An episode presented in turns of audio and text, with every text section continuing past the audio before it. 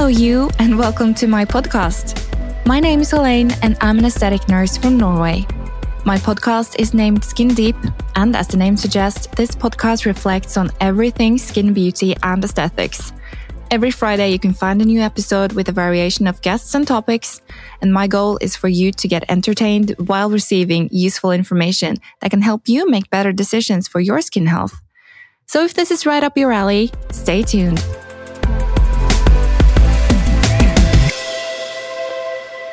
Hello, everyone, and welcome to another episode. Today I'm joined by an award winning aesthetic doctor from the UK that also have been serving as a medical officer in the Royal Navy. He's a global speaker, has his own teaching academy, is a KOL for Morpheus and Plextor, and a true genius when it comes to turning back the clock in someone's face with dermal filler treatments. Recently, he has added skincare developer to his long list of achievements by inventing and launching his own brand, Selderma. And I'm very curious to hear more about the journey from idea to finished product. So without further ado, it's an honor and a privilege to have you on my podcast, Dr. Dev Patel. Welcome. Thank you, Elena. Thank you very much. Um, it's a privilege to be here. This is actually my first ever podcast that I'm doing. So, oh, really? Um, so yeah, so I, I, feel like I'm about to sing a karaoke song into this microphone. But anyway, let's let's see how this goes. So yeah, thanks very much for bringing me on. How are you? Well, yeah, very well. It's um, the weekend. I'm not working, so uh, nice start to the day. Yeah, uh, and just very busy. Like I think everyone post pandemic, the whole industry yeah. has just gone crazy. People have got more money overall. Um, they're not traveling as much, so they've got more disposable income to spend on their face. They're seeing their face on Zoom. Yeah. So you know, we just can't keep up. We just keep recruiting, and um, still can't keep up with demand. Yeah. Yeah, that's true. but um, to begin with, would you like to tell us a bit about yourself and uh, your career? Uh, yeah, so I mean, you gave me such an amazing introduction. I think I should just travel around with you when I speak to introduce me. But yeah, so you know, I qualified from Guy's and St Thomas's in London, and uh, uh, within a year, I was in the in the Royal Navy. Uh, I live in Portsmouth, the home of the Royal Navy, so I didn't really have a choice.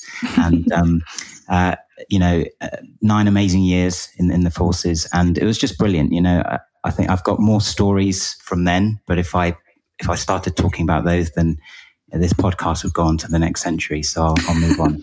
Um, and then I retired. I, I joined uh, family practice as a GP, general practitioner, family doctor, and uh, and I was doing a little bit of aesthetics on the side. You know, I could have actually started doing it years earlier, but when the opportunity first came up, um, I said to someone, "Why would I want to make people look look odd?" You know, that was my uh, perception as well. And actually, a lot of people were and still are.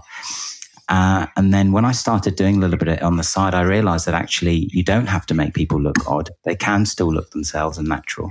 And, um, and so it started growing. And then, you know, my father was terminally ill at the time and, uh, my senior partner in the practice was looking super stressed.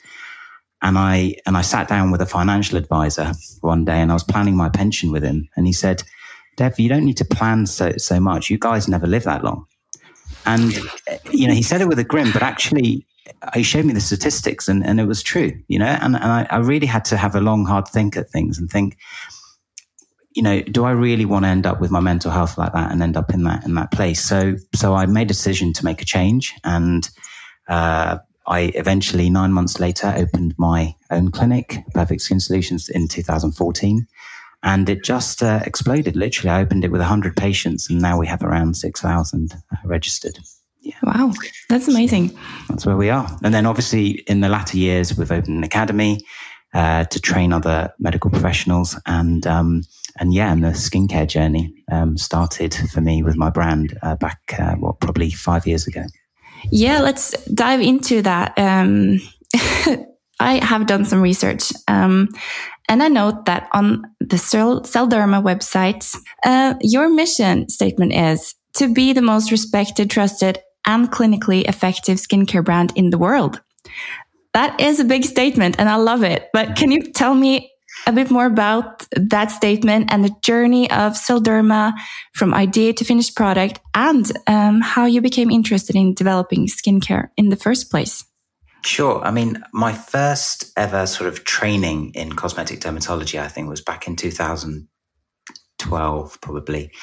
And the person who came to train me, she, she was talking about all these different ingredients, you know, kojic acid and arbutin and this.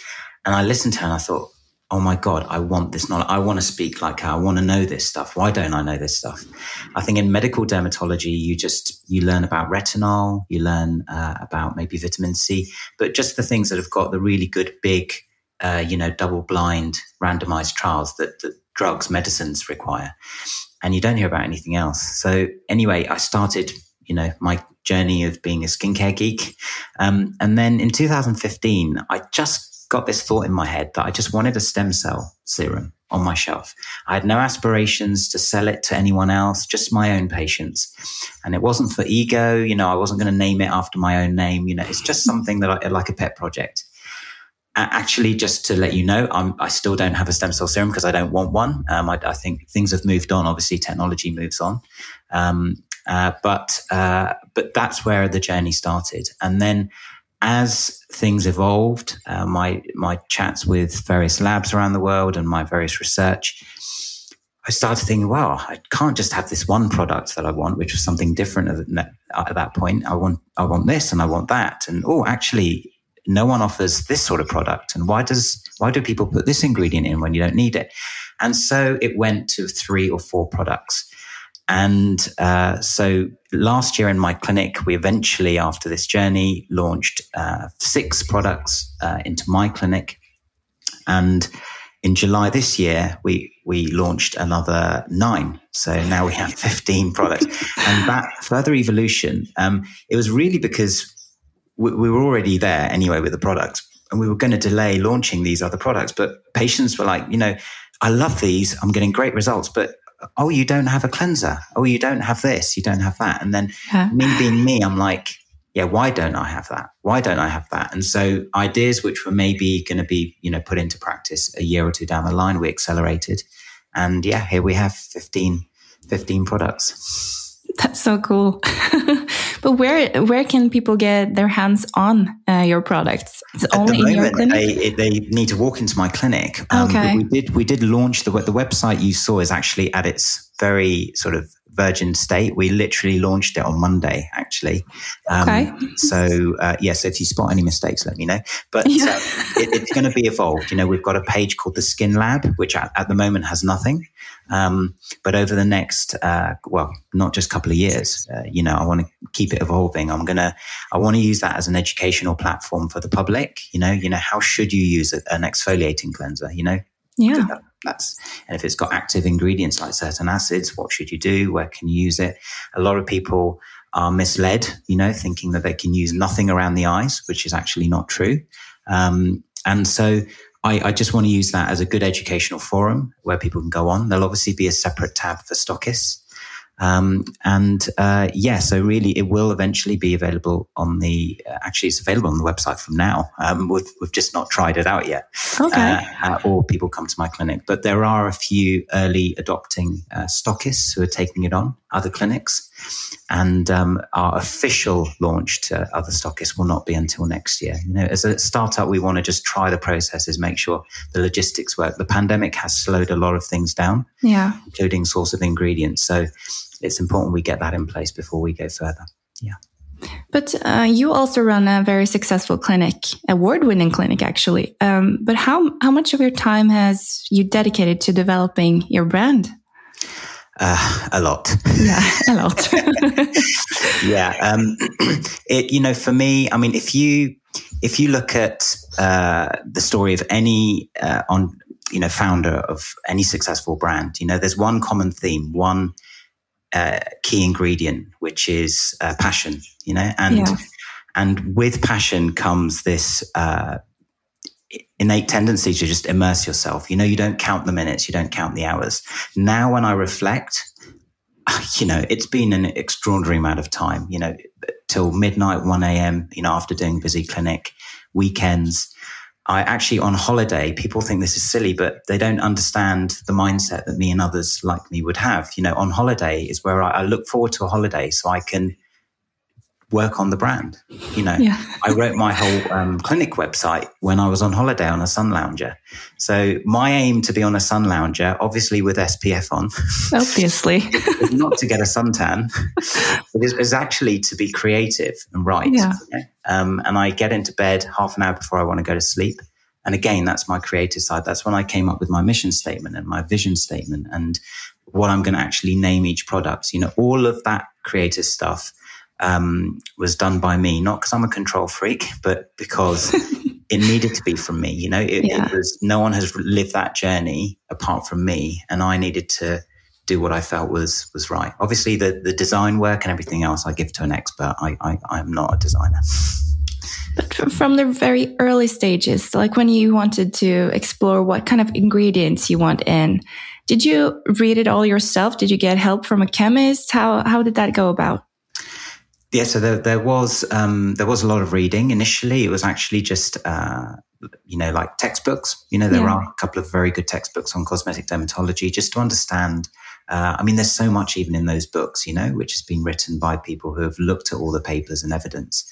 Um, and then I uh, did some literature uh, searches to get more journals, for example, on peptides or you know or retinoids, which is sort of the vitamin A family like retinol. To learn a bit more and see a bit more of the evidence because not just for my own knowledge, but when you speak to certain doctors um, or nurses or someone who's medical, they'll sometimes ask you these more technical questions and you need to have the answers.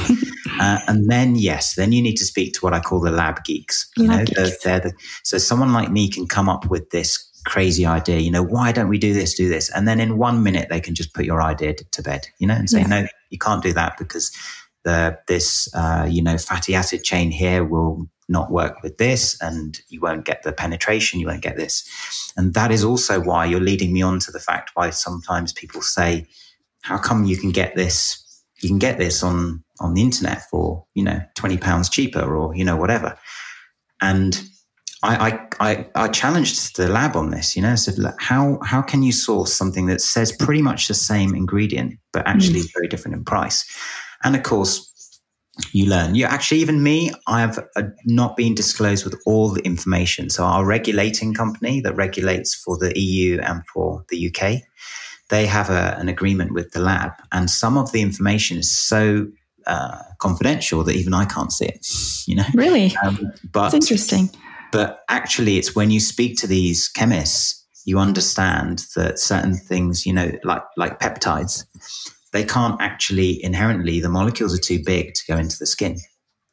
So they they they will add like a fatty acid chain you know uh, to allow it to go deeper. Then you have to think about the ph. You have to think about so many different things to allow uh, a product to penetrate into what is meant to be a barrier to yeah. outside material. And that is where the money the investment uh, and the cost goes in and then later, if we have an opportunity, I'll tell you more about the ingredients and why there are differences. But, but yeah, so, so really it's the chemist ultimately who will say, you know, I, I'm taking something, the clinical brain, if you like, because I'm working on the ground with patients day to day and they're in a lab they, I think they lose sight of that. Yeah. Um, and so, you know, they're saying, yeah, this is, this is, you could do this and you don't need this. I say, I know I very much need this. You know, this is what I need. Um, and people get put into groups, you know, do you have oily skin? Do you have dry skin? Do you have, which which is rubbish, really. You know, you know we have um, you know we have glands, certain glands and oil glands that are focused in the in the T zone, the center of the face. So if someone says I've got mixed skin, they haven't really. They've got they've got dehydrated skin. It's just they're trying to compensate and produce oil, and the oil is where the glands are. So they're going yeah. to be dry where the glands aren't, and they're going to be oily where the glands are. So sometimes this thinking limits how formulae are, are uh, made, and then you need someone like me who's seeing the pet and thinking, no, let's just wipe the slate clean and let's yeah. try and make this. And then the the experts will then say, okay, we can do this, we can't do that, and then you move from there. Really, I find it really interesting what you just said about um, dehydrated skin in regards to skin type, because I feel like every single patient of mine uh, in this transition from fall to winter goes through um, a very very dry skin period.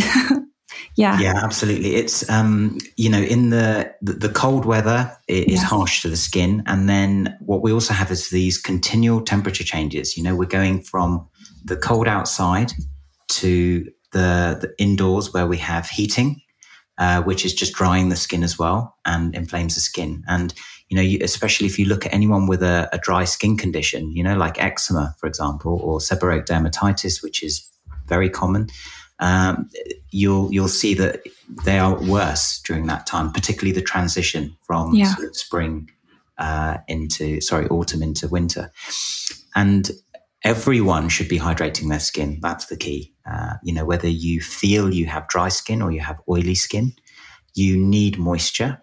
Yeah, and it's the choice of moisturizer which is usually the mistake. So most people are trying to actually do something. If they come to my clinic, they are using something, you know, most of the time. But what they're using is is the big thing. And so many ingredients will make you feel. Notice I'm saying feel. Yeah. You feel that you've hydrated your skin and you've moisturized your skin because that's easy. You can put anything on your skin. You know, um, you can rub cooking oil on your skin, and you, you know you'll have you'll moisturize it, and it'll probably be better actually. But I'm sorry, I'm not saying to do for anyone to do that. But if that if that moisturizer, if the key ingredients in there actually stop or affect in a negative way some of your own internal moisturizing processes, because obviously mm-hmm. our skin has that, then actually you're going to do yourself uh, an injustice. For example, many lip balms, most lip balms, if you see people who use lip balms, they can never be without it. Yeah. They can never be without it. Why? Because, because because it has an occlusive effect on the skin. Yeah. The skin's own natural moisturizing factor, the its own ability to moisturize, just switches off because it thinks it's being fooled and thinking everything is fine. So when the person doesn't use their balm, they very quickly feel that dryness and dehydration. And uh, and so actually, what they need to be using is something that is going to promote, potentiate the body's own natural uh, process, and also prevent what we call transepidermal water loss, which is, you know, preventing that, you know, that natural loss or evaporation, if you like, of, of moisture from the skin.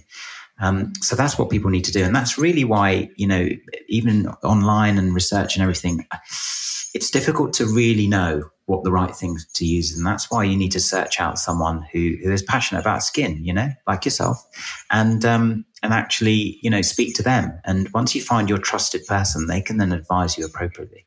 Yeah.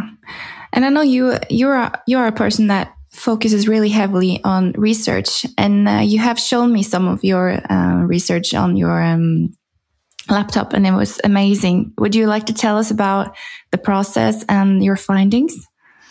Yeah, so you know, I I, have worked for other other brands in the past, and uh, was you know asked at times to produce some case studies and photographs. In fact, I volunteered this because sometimes they're they're not great. You know, they're not good quality.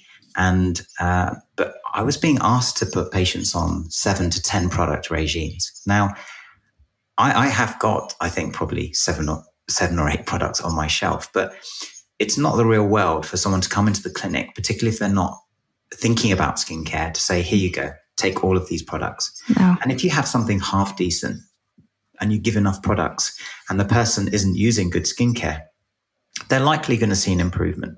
Yeah. But even then, I wasn't actually seeing fantastic photographic improvements. Now, admittedly, you don't always see it on a simple photo. You know, you need special scanning technology.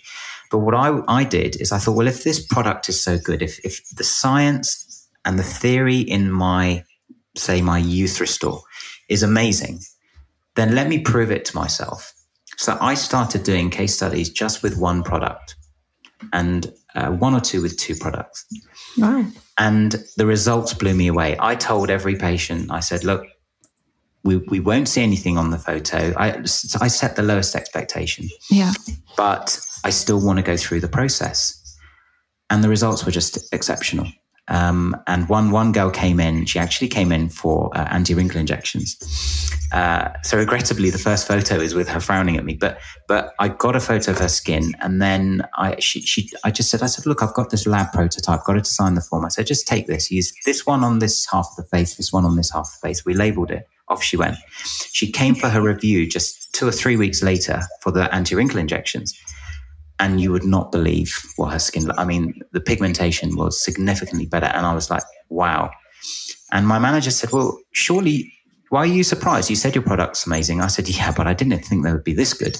And, and so actually we then started doing more and, you know, showed ourselves they were amazing. And then what I also did was split face studies. Yeah. Now, yes, you can argue sometimes there may be some cross, um, cross effect, but I did it not with nothing, you know. So often companies will use one their product on one side and then nothing on the other side of the face. Yeah. Um, but really, I mean, what am I trying to? How can I compare it to nothing? I need to pick something that's recognized as a, a global front for, front runner, you know, in the market. Yeah. So I did that. I used some of the best products I know that I've been using in my clinic, uh, for example, for post procedure care.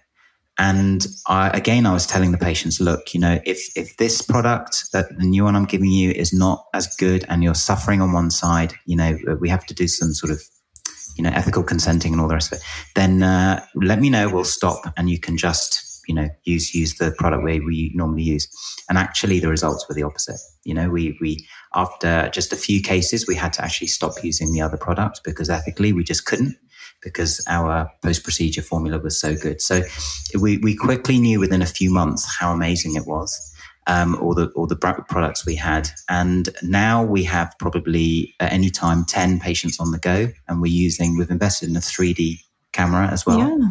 which scans the skin and looks at various attributes of the skin from pore size to wrinkles, etc. So we can demonstrate with even more science the uh, benefits. And uh, with their permission, with a few patients, I've even uh, screenshot their uh, appointment diaries because uh, obviously this is their confidential data. So, you know, yeah. we've asked them to show just the stockists. This is not on the public forum. To, for absolute transparency, to to evidence that they have had no other treatments at the clinic, and they've only had what we've given them. Because I think that's the other thing. You know, how does someone know that someone has been very unethical and just done a laser treatment, you know, or something else? Um, yeah. And uh, and that's one of our key key foundation stones is that we want to be as open and transparent as possible with our stockists and also with the end consumer. That's very good. Um, uh, is Selderma uh, medical grade skincare? Yeah. Yes. Yeah. Uh, I mean, uh, so that's an interesting, interesting thing. So the beauty and aesthetic industry is filled with made-up terms with yeah. no officially recognized definition, and then we all self-proclaim something to be this or that. Um, I think in reality, it is not two groups, um, i.e., medical grade or non medical grade. It's, it's a spectrum from, say, a product that literally does nothing to improve the health of the skin yeah. or, or may even harm it to one that has significant biological action on the cells of the skin to ideally affect positive change. Mm. Uh, and the latter was my main aim with the Selderma range, and, and that's why I named it Selderma. You know, to to to actually uh, when I when I came up with the name, actually it was I named it um, the opposite Dermacell, and then I, it was changed over. But to, to say that we want to work with it at the cellular level in the skin to affect a biological change to get a real result in the improvement of the health of the skin. It is very easy, very easy to create a very cheap product that will make you think you are using the elixir of life, you know? Um, you can put, there are certain ingredients which actually are very, very, very cheap ingredients to give you that sensation and feeling of something amazing. You know, have you walked into a, um, a shop or even the street and someone calls you over and says, um, would you like to try this? You know, yeah. special gold cream or this, whatever. And they put it into your hands and you go, oh, this feels so nice and lovely you don't know what it's doing for your skin. You're no. simply going on the smell and the feel. And if something feels amazing and it smells amazing, then your brain will tell you it's amazing. And, and if, if I can put certain ingredients that make the light shine more off your skin, you will see less lines and wrinkles in the mirror. But guess yeah. what? They haven't got any shallower. So then years down the line, say you stop using that brand or you stop using your cream for a few weeks, you may end up in my clinic or someone else's clinic saying, Oh, I don't know what's happened. You know, I've been looking after my skin, but look what's going on. It's because actually for 10 years you've been wasting your money. Yeah. Yeah. I mean, don't get me wrong. Using something is better than using nothing.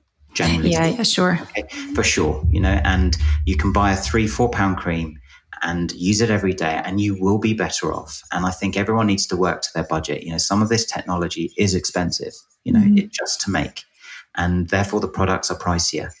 Obviously, we haven't got the brand power yet. We're a new company, so we're not pricing it on brand power. But some of the big brands out there, they are clearly overpriced, but they can afford to do that because, uh, sorry, they can do that because people are going to follow the brand, and, and that's yeah. you know that's fine.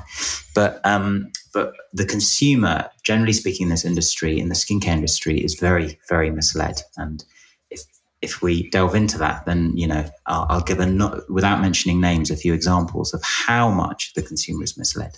Yeah, go on, do it. Oh, okay. right. It's and, and again, this isn't about shaming. I think especially when you represent a number of companies, it's, it's I don't like that of, of you know bringing. But this is more of the whole industry that I'm just making a general point. The um the you know, there is one brand. Uh, I, I, think it's only in the UK, so I'm probably on, in safe territory if, if most of your listeners are, from Norway, but maybe not. I think you've got some global listeners. So anyway, but um, this, uh, to my knowledge, this had the biggest ever waiting list of people, the public, waiting for a product because there was just not enough to go around. And when you read the label within the name, the word retinol was there which any skincare geek, a lot of the public know. Yeah. And they know it's one of the well researched, all rounder ingredients that's amazing for your skin.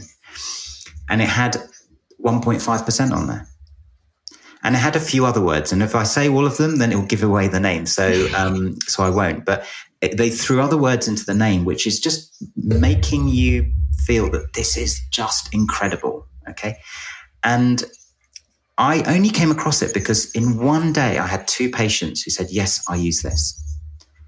And so I always look up the ingredients straight away just to see what it is. And I looked and, and I asked them and I said, They said, Yeah, I'm using a 1.5. You only do a 1%. This was in the days where I was selling retinol. Now we have a something much, much better than that um, in our range. And uh, they said, Oh, you only go up to 1%. I use a stronger one. So they had fallen for this trap. When I went into it, I said, do you know the retinol that, that actually got in there is 0.3%? And they're not hiding it. If you delve further, you can see it. But they've clearly named their product like that hmm. because most people aren't going to go do that. No, most no. people are just going to see that. And for me, this is this isn't illegal. It doesn't doesn't break any regulation, but it's misleading. It's yes. misleading the public. It's just not right. That's it. It's just not right. And it also on the packaging talks about um, a compound, which is a, a, trademarked compound, so I won't mention it, but it's basically a peptide formula. Okay, mm-hmm. and peptides are um, also proven for the last two decades to stimulate collagen, etc. So I turned the bottle, looked at the ingredients. Now it doesn't mention that trademark name in the ingredients because the, the, the law states you have to mention the actual scientific name of the ingredients. So no one knows what to look for. No. Would you believe that the peptides were the very last thing on the ingredient list? The very last thing. you had to go halfway up to see the preservatives. But above them, there were uh, one or two alcohols. So all of these things were in greater concentration than these peptides. So they've they've done what's called uh, dusting in the industry. Just put enough in to be able to claim it's in there. Yeah, that's it. And guess what? The expensive ingredients are the peptides. Yeah. so so and, and and still actually it's not a cheap product. You know. Um, so this is and, and one of their other creams. It's a retinol cream. I was looking at those ingredients. And uh, the in the first line, there are three different types of alcohol in, yeah. in the first line. So, you know, obviously it's like food. The higher up, the more there is, and as you go down, the less there is and you have to go down, down, down, down, down, down and list. And there's actually nothing actually really useful in there apart from the retinol they've put in there. So people are buying these products. Yes, they'll do something. I'm not saying they, they don't necessarily do anything, but actually what people believe, I think that, that they're paying good money for, they're, yeah. they're absolutely not. Um, how far, how um, far up the ingredient list do you think an active should be stated to, to have well, an it, effect? It, it's so um, if I it's easier if I use my own my, my own example. So the like a, a lot of our products, if you look, there there aren't actually a lot of ingredients. So it doesn't really matter where the active appears because there, there's only a few ingredients in there. Okay, that's but good. Typically, for most things, it would you you want to see it in the top half, top third, right? Uh, but it depends. Like we we have got one uh, formula um, called Youth Restore, which actually from top to bottom it has the most ingredients of any of our uh, products, and it's got a lot of ingredients. But if you go from the very top to the very bottom, it is just actives. Yeah. Uh, or and then the last ten ingredients before you hit the preservative, which is made from plants, um, are just uh, botanical ingredients like licorice, which, as you know, is good for pigmentation. So even when you um, the growth factors are right near the top. In fact, after water, which is the, in serum, you know, the, the, the first thing you see, the first thing you come across is niacinamide. Yeah, vitamin B3. Then uh, you hit the growth factors, then you hit the neuropeptides. Yeah. Then you hit the amino acids, 14 of them. And then you hit these botanical extracts. And then you hit maybe a stabilizer or a preservative. And that's generally how you want to see a product.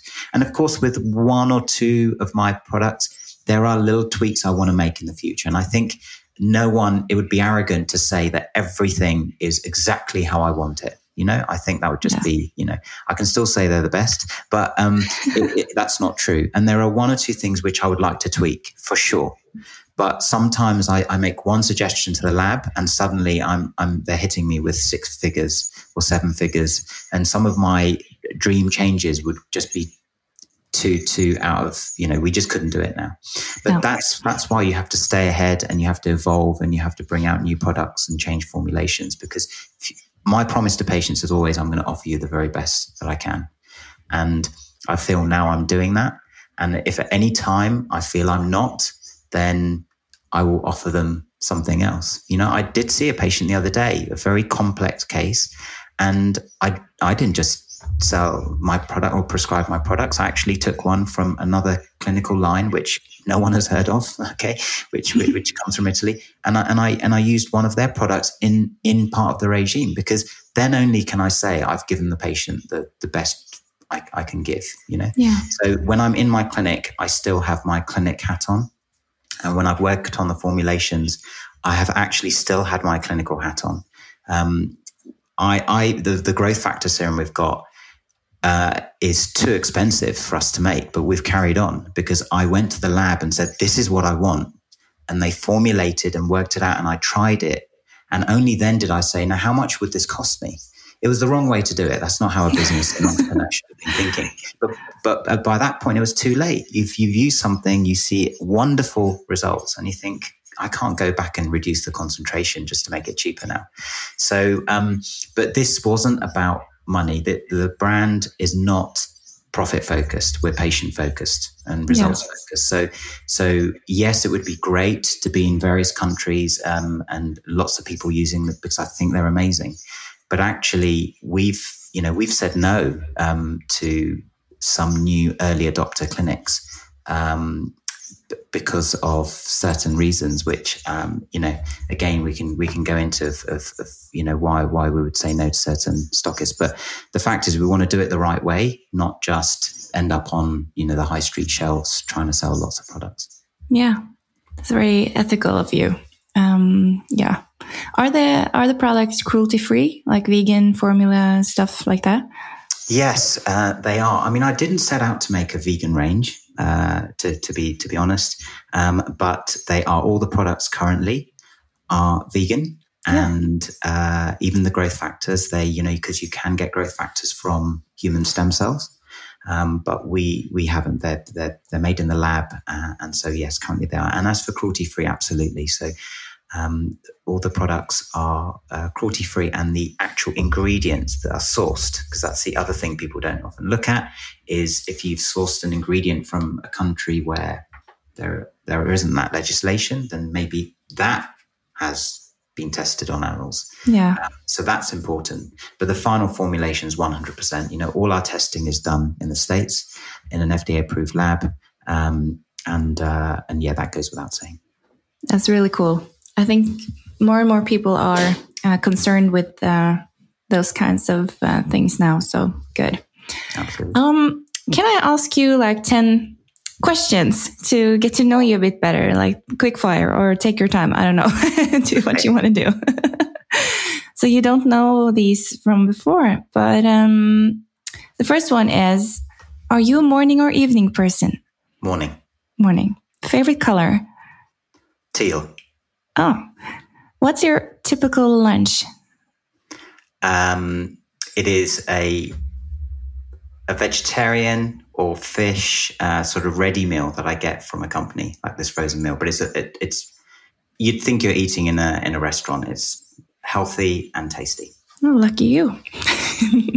Do you have a favorite pastry or cake? I know you're a sweet tooth. yeah, it's got to be chocolate fudge cake. Yeah. With a biscuit base. In case you're going to make me one one day. Yeah, I might. In regards to movies, uh, which uh, genre do you prefer?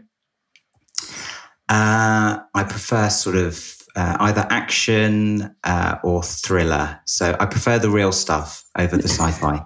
All right. So, give me Gladiator any day, and I'll watch it again and yes. Happily. Um, what's your favorite vacation destination? Oh, one of my favorite cities is Cape Town, probably. Yeah. Uh, I like a mix of things. I don't just want to sit on the beach. So, uh, you know, something like Cape Town where you've got Table Mountain, and I like something active. So you can skydive, you can, I abseiled down part of that. Um, you can go to the winelands, you can go to the beach shopping. I am a shopaholic. Um, so I'm quite a metrosexual guy, I think, but uh, I do, you can, you can put me in, in a, you know, shopping for three, four, five hours and I'll, I'll happily, I'll happily spend my time there. Oh, well when I was growing up, my older sister, who's six years older, she used to bribe me to go shopping with her. um, so she said, "Look, I'll buy you something. Come with me." And uh, I got very used to waiting outside ladies' changing rooms, patiently waiting for her to finish trying everything on. Um, uh, so I wasn't passionate about shopping then, but I think she got me into it because she'd finally get me to the men's or the boys yes. section and uh, started saying, "Look, we need to introduce style to you." So, um, yeah, sorry, that wasn't a quick answer, but oh, but that's okay. That we have time. nice. Um, what's your favorite activity to do? Um, okay, I have to say because I work hard and I'm kind of in the evening. I love nothing more than just sitting on the sofa and watching Amazon Video or Netflix. To be honest, and and I could be quite happy doing that. Um, and that for me, that's like my, you know, just kind of my chill time. But um, I've recently started playing tennis again after playing it at school many years ago. I live at the end of some tennis courts, so um, uh, so I guess that, and yeah, I, do you know, it sounds sad, but you know, between work and catching up on admin and then the skincare brand there doesn't seem any time for anything else. But it's not that I'm not having a great time because, as I said, it's a passion for me. So that's yeah. what I enjoy doing. I've got about 50 books that I need to read and want to read, which I haven't yet read. So uh, at some point, I'll start reading those books, which yeah. tend to be life books, not novels, uh, like Malcolm Gladwell, Blink, you know, but books that I feel can uh, improve my, you know, the way I function in life. Yeah. I'm, I'm on a book uh, called Mindfulness at the moment. So cool. about that next time. yeah.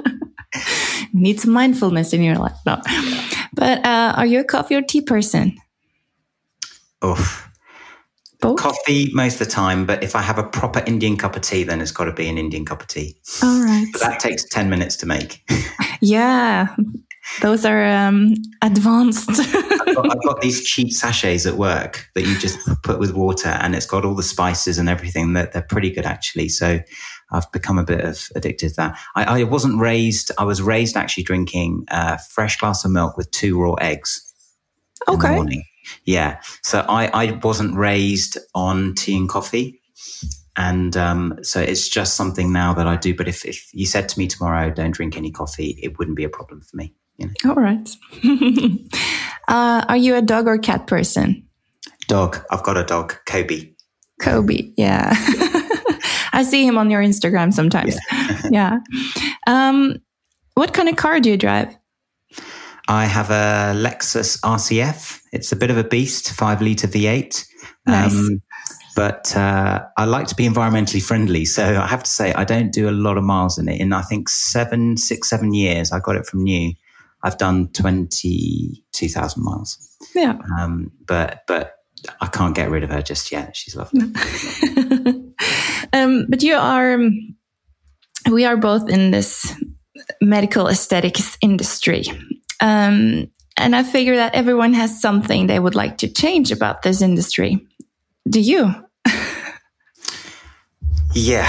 Um, I think the first thing that comes to mind is uh, non medical practitioners injecting dermal fillers. Yeah.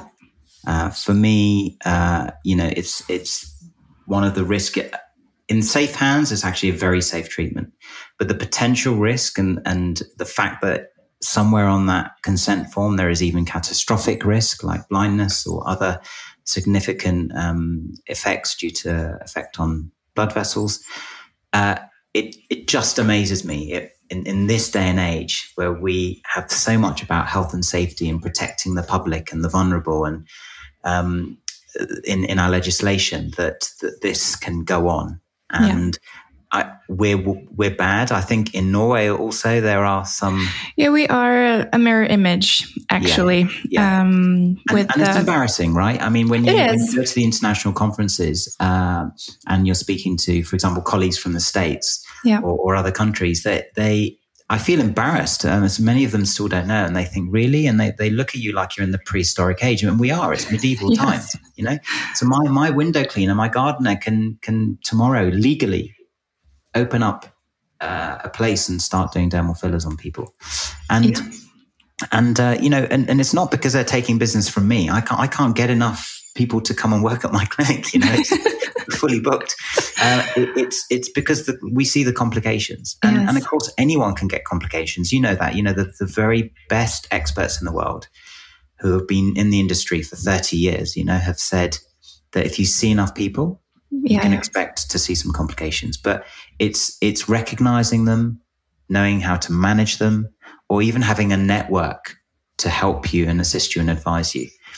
And you know that I'm dealing with one at the moment for the last five months uh, with some sort of inflammatory, delayed inflammatory nodules, and she was treated by a non-medic in London, and um, I see her daughter. So her daughter brought her in, and this poor woman is is disfigured now, and I've been working, working on it. And luckily I had, do have a network of the very best complication management people in the world, you know, Arthur yeah. Swift, Patrick Treacy, you know, they're, they're on my WhatsApp and they've been advising. We're still not there yet. And when I, when I contacted this guy for the, the records, we're using my patient as a sign for sign permission. I was expecting everything, you know, the, the, the consent form, the photographs, the, the, the lot numbers, everything. And I literally just got five words of the fillers used and how many mils. You'll be shocked 12 mils in a lady who had a very full, uh, full face anyway. Um, and large, large boluses in different places, but no plan, no map to show me where things were injected or what. Uh, and when we pressed and said, no, everything, please, as is her right, he said, this is it. This is all I have. So oh because they are not medically trained, they're not being they're seeing they're not seeing patients on what we call the medical care pathway. You know, no. so how if you haven't been trained to properly consent a patient, how can you then do that process? And of course, they're showing certificates, which, as you know, mean nothing because there is no mm. regulation on who can train. So you have people who've been trained badly. The weekend after, they can become a trainer for other people. And yeah. so it spirals down and down and down. So five, six generations down in terms of training, which can be over a year, you have someone who's been trained by someone who's trained by someone who's trained by someone mm. who knew nothing. And that's, that's where we're at. Yeah. So I don't think this is going to happen quickly, but over time, we hope that there's new legislation to better protect the public. Yeah. Social media should make most people aware that there are dangers. But of course, if I can save some money by going to this person, the mindset for many people is that I'll go and it's not going to happen to me. Yeah. But when it does, they spend far more money and a lot shed a lot more tears. Yeah.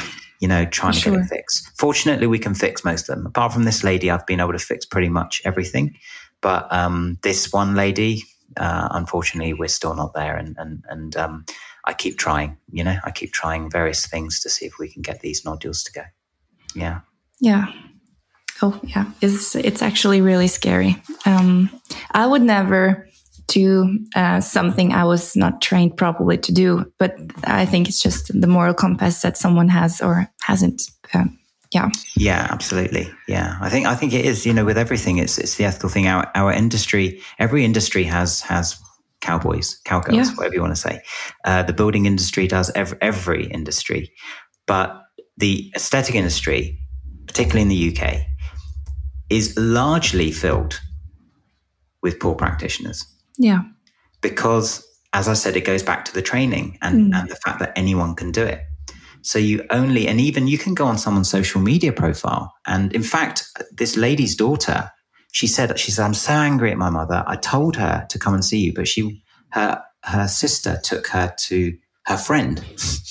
And she said, no, but look at his Instagram and look at this. He's really, now me and other professionals looked at his Instagram and actually there are so many alarm bells when you see him actually demonstrating some of the injections. You can see they are just profoundly unsafe in how he's doing them. But how does the unknowing person, the layperson, know?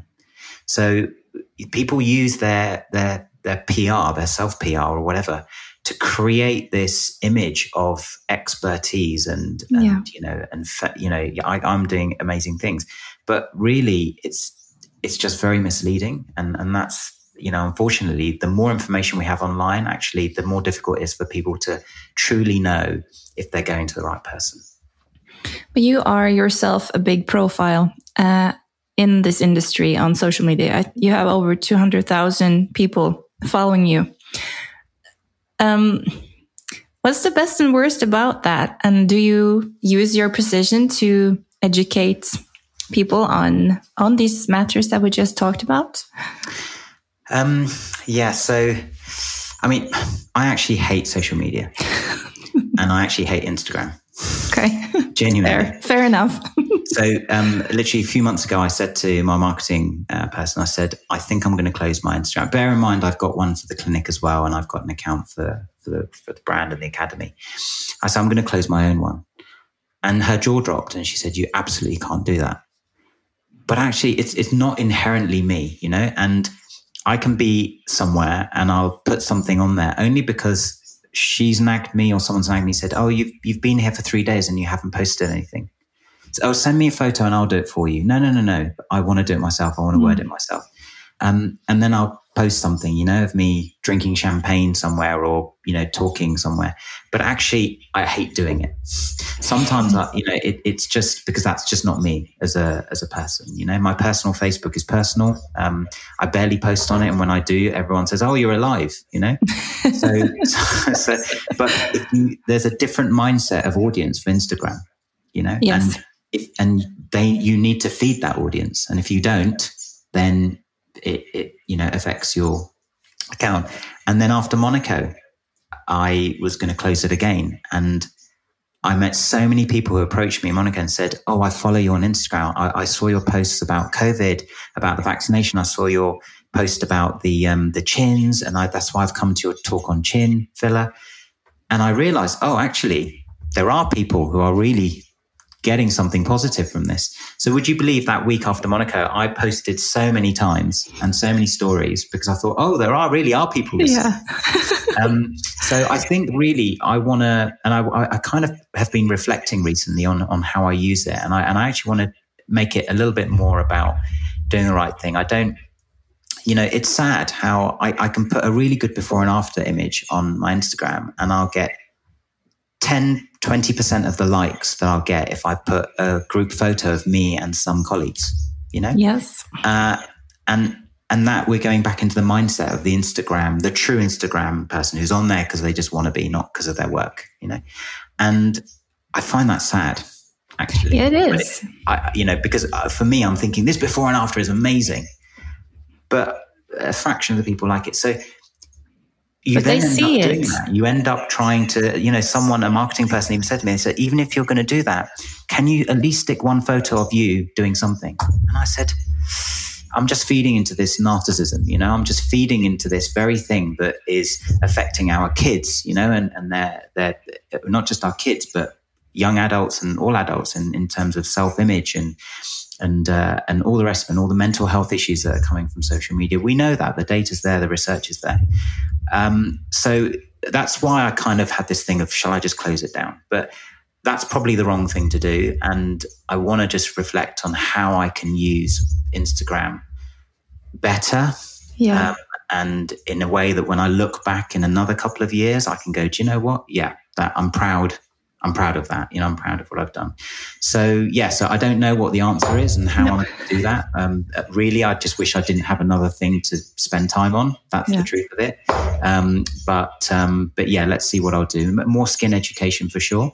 Um, but the Selderma UK page will will often do do much of that. What I can get away with in my own page is I can sometimes post things that I can only get away with my own post, but isn't really appropriate for you know perhaps the uh, the public the, the the brand pages um, or if I want to rant about something or complain about something. I try not to. I think positive energy is the way forward, not negative energy. But every now and then, if you want to moan about something, you can do it on your own page a lot easier.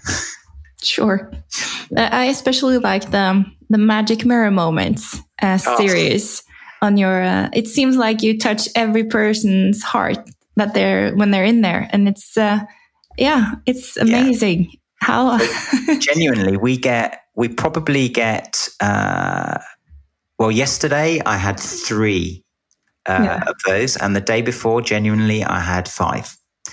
Um, so it, we experience that every day, and then, but obviously, sometimes you, you know, you don't, um, and not everyone may, may want to. But actually, it's surprising how many people say yes. You know, when I when I film it, and it's a nice reaction. Um, of course, sometimes in the mirror, people don't immediately respond uh, with any great wow, you know, because they Yeah. have to have process it. They've just been through a procedure. There's some adrenaline pumping around. There's anesthetic. Um, but the Magic Mirror Moments series for us has been amazing because I realized how many we were getting, but it never goes outside the room, you know? And for me, it's not, people often come in and say, Oh, I know I'm being vain, but I just want to, and you think, no, you know, and what is vain? Who cares if you're vain? That's just a word. yeah, But really, we, we are right or wrong, whatever anyone wants to say. If someone feels down about what they see in the mirror and we can make some improvements, you know, and it's just that it's, it's, it's, it's time reversal. You know, if I can take their face and the volume in their face back 10 years, I'm just giving them back a little of what they've lost. Yeah. Yes. Okay. Occasionally there's an exception. If someone has always had thin lips and it really bothers them with, uh, and maybe you give them, you know, slightly fuller lip that they never had. But generally speaking, you're just giving people back what they lost.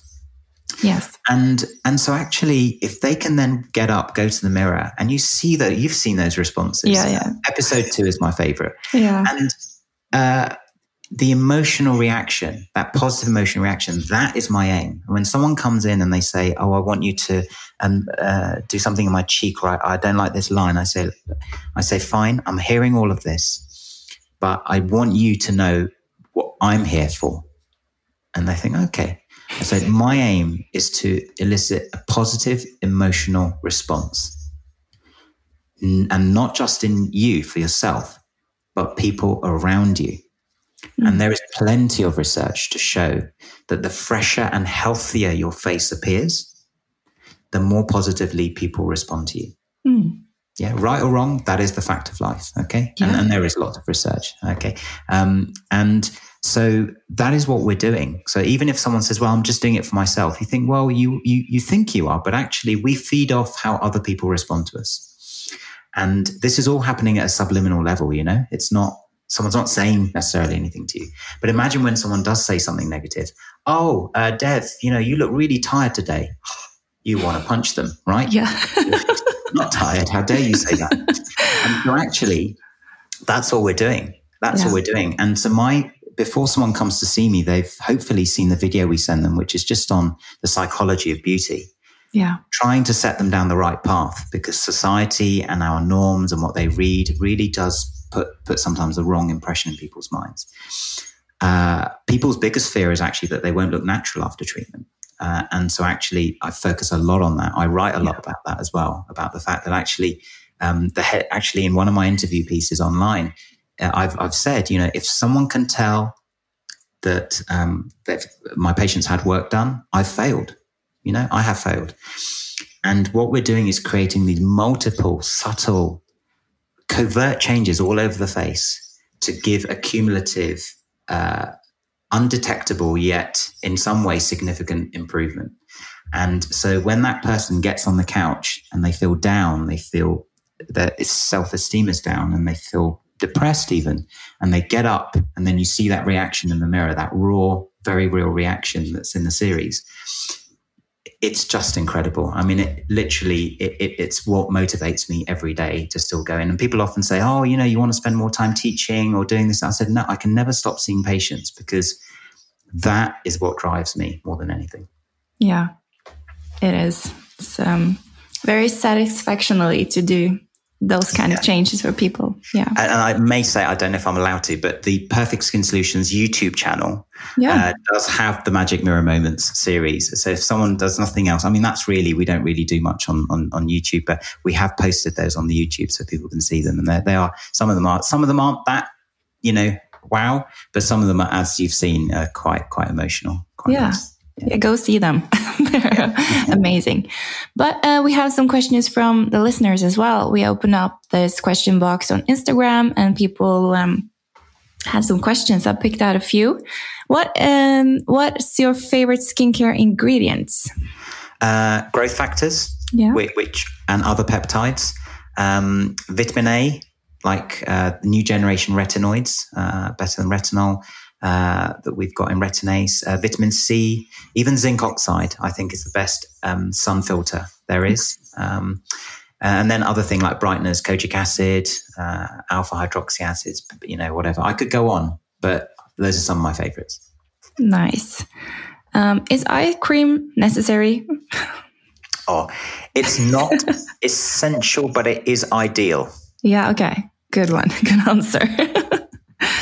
um, how did you decide what to put in your skincare brand? I think you answered this one already, actually, yeah. but yeah. And if I can say for the eye cream, that's yeah. only because like we formulated products that many of them can be used around the eye. Yeah. So I don't want anyone to think they shouldn't be using anything around the eye. You must be using something around the eye. Yeah. Sure. Yeah. Um. Yeah. And what is your favorite product from your own range? Youth Restore. That's a difficult one, actually. There's, there's top three, but Youth Restore, that, that for me has the growth factors, the amino acids, the, the peptides, the, um, uh, the botanical extracts like the licorice, the niacinamide, acetylglutamine. I could go on. It's yeah. a powerhouse single formula. Uh, I've got it on right now on my skin, yeah.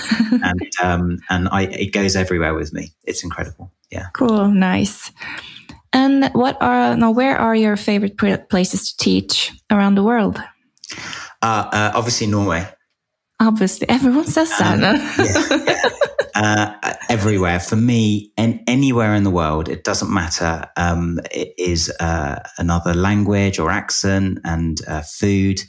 Uh, different personalities, mindsets of people. I just love it. it. To combine travel and medical teaching is putting two of my favorite passions together. It's, I wish I could do more. Good answer. and um, what is the best compliment you've ever received? Oh, um, okay. When I was a student, medical student, I, I was lucky enough to get a, a, place on a train in India, um, commemorating 50 years independence. And uh, one of the staff on board, I had a little first aid kit with a few drugs in there, you know. Um, and I went to him. He was in pain one night, and spent some time with him. Gave him some drugs uh, and medicines, that is. And then the next day, I went to check on him, and through a translator, uh, I speak Gujarati, not Hindi, and he was speaking in Hindi. I understood bits of it, and it was translated. And he said to me, the translation was, uh, "Your medicine relieved me, but your words cured me. Mm. And that to me said, really, really drove home the message of how important bedside manner is. Yes. And um, and I and I learned that from my father actually, you know, about bedside manner. So yeah, for me, I think that's probably the compliment that most most um, is most memorable. Yeah, that was really good. Um, if you had to have an alternate career, what would that be? I used to say a biology teacher because that was my passion when I was at school, but um, and I love to teach. But um, probably a criminal prosecutor. You know, I like wow. to I like to um, you know use eloquent sentences, and I like to formulate an argument. And so yeah, but I probably couldn't handle the injustice often that happens. You know, like someone getting off with a technicality. So I probably wouldn't last long. But yeah, that's what I'd like to. Interesting, interesting. Um, how would your parents describe what you do for a living? Um, well, uh, gosh, well, my mother, um, we lost my father sadly in 2015, but he, he, he just, um, I don't know what he used to. He was a very kind of serious man when it came to things like that. Pro- probably, you know, that stuff you do in the clinic. I don't know how, what he, what he would have said. My mother, she describes me as, she tells people he, he makes your skin really nice. That's what she tells people. so she still goes adorable. to the gym. She's 76 and she meets all the ladies in the gym. And then some of them end up in my clinic. And they said, Yeah, your mother said you can make my skin nicer, which is true. Yeah. That's really what we're doing. So, um, yeah, she's a big advocate for me, best bless her. And she's actually got incredible skin, which, which is even better. She's a good advert. Yeah. Yeah. Good. And um, the last question is um, would you like to share some kind of life wisdom with our listeners? Could be anything. Yeah, um, I, it could be anything, but I, th- I, think I'll focus it on on skin. I'd yeah. say challenge challenge everything. Um, you know, don't believe what you read on forums or just on any online platform. Um, it, it's so difficult to sift through the information, know what's really right and wrong, and most people are misinformed. Most people are, I, I find. So find a practitioner. That's where you need to do the research. Yeah. That's where you need to do the research. Find someone who, uh, and never go on price. Never ever go on price. And have a consultation with that practitioner and your gut will tell you if they're the right person for you. You know, if they're really, uh, if they're ethical, if they really know their stuff. And then put your trust in them. They're the ones who have got the knowledge and the expertise and let them guide you. I think that's really what I would say. Yeah, very nice uh, life wisdom there. Thank you so much. And it has been an honor to have you on my podcast, Dev. Thank you so much for your time. Um, and I wish you the best of luck with your uh, Selderma range. And hopefully you can expand to Norway soon uh, so we can get our hands on it here as well. Yeah, yeah. I, I think I think uh, FedEx will bring it over to you if you order it. Cool. I will try that. So uh, I wish you uh, it, this it's Saturday today, so have a nice weekend, and uh, we'll catch up um, next uh, event. I, I, don't know where that will be, but I'm sure our paths will cross sometime. Okay, thanks. Thanks for today. Thanks very much. Thank you. Bye. Bye.